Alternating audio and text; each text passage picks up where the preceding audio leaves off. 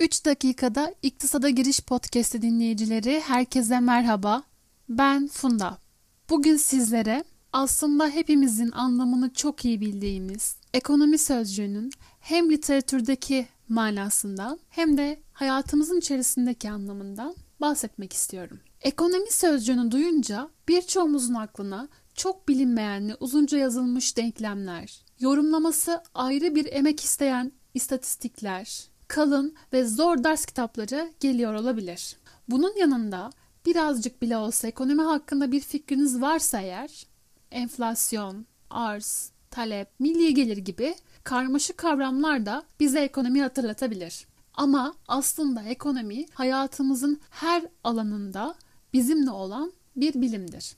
Üniversiteyi bitirmeye yakın her gencin çalışmak için can attığı bir iş alanı ya da çalışma hayali kurduğu bir şirket vardır mutlaka. O şirkete iş başvurusu yaptığında ya da ev hanımıysanız akşama yapacağınız musakkanın sosu için bir kilo domates satın aldığınızda ya da çağa ayak uydurmaya çalışarak gelişime adapte olan bir bireyseniz eğer kursa giderek bir bilgisayar programı kullanmayı öğrendiğinizde bunların hepsini bir kenara bırakalım. İki günlük bir tatil yapmak istediğinizde bile ekonomiyle ilgili bir karar almış olursunuz. Peki bu kadar şeyden sonra madem ekonomi bizim her anımızda yanımızda Peki ekonomi nedir? Temel varsayımlara baktığımızda ekonomi insanların sınırsız ve farklı ihtiyaçlarının sınırlı yani kıt kaynaklarla nasıl karşılanması gerektiğini inceleyen bir bilimdir. Peki burada bahsettiğimiz kıt kaynaklar neler? Para, elimizde bulunan sınırlı miktardaki parayla bilgisayar almak veya telefonumuzu yenilemek arasında bir karar vermemiz gerekebilir. Diğer bir kıt kaynak ise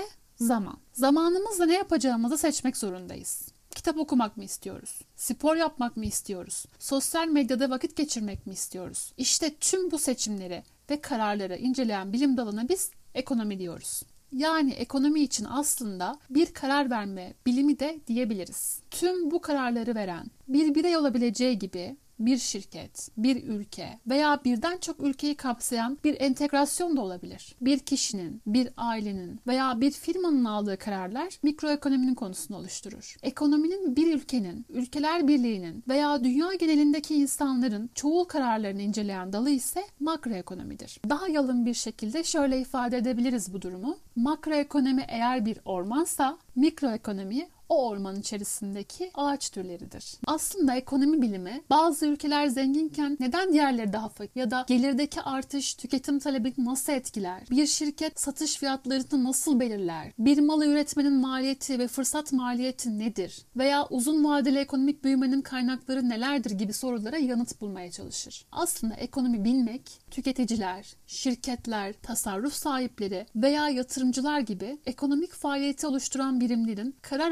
alma süreçlerini hızlandırır. Ekonomi bilgisine sahip üretici maliyetlerini de göz önünde bulundurarak ürünleri için en doğru fiyatı belirleyebilir. Bir tüketici ise sahip olduğu paranın ne kadarını, ne için harcayacağına dair sağlıklı şekilde karar verebilir. Peki buradaki asıl soru bu. Biz niye ekonomi bilmeliyiz? Niye ekonomik faaliyetler hakkında bir fikrimiz olmalı? Ekonomi bilgisi ülkede yaşanan gelişmeleri anlamamıza, doğru finansal ve ekonomik kararlar almamıza yardımcı olabilir. Ekonomi hakkında daha fazla bilgi sahibi olduğunuzda birikimlerinizi daha sağlıklı yönetebilir, borçlanmanız gereken durumlarda size en yakın aracı seçebilirsiniz. Ekonominin bir parçası olarak doğru kararlar aldığınızda ülkemizin ekonomisini de doğru şekillendirmiş olursunuz. En azından ülke ekonomisi hakkında doğru yorumlar yapma girişiminde bulunabilirsiniz. Bu serimde podcast'in ana fikri olan ekonomi hakkında konuşmak istedim. Ki bundan sonra yapacak olduğumuz konuşmalar sağlam bir yapının üzerinde ayakta durabilsin. Bir sonraki konuşmamda görüşmek üzere. Kendinize çok iyi bakın. Hoşçakalın.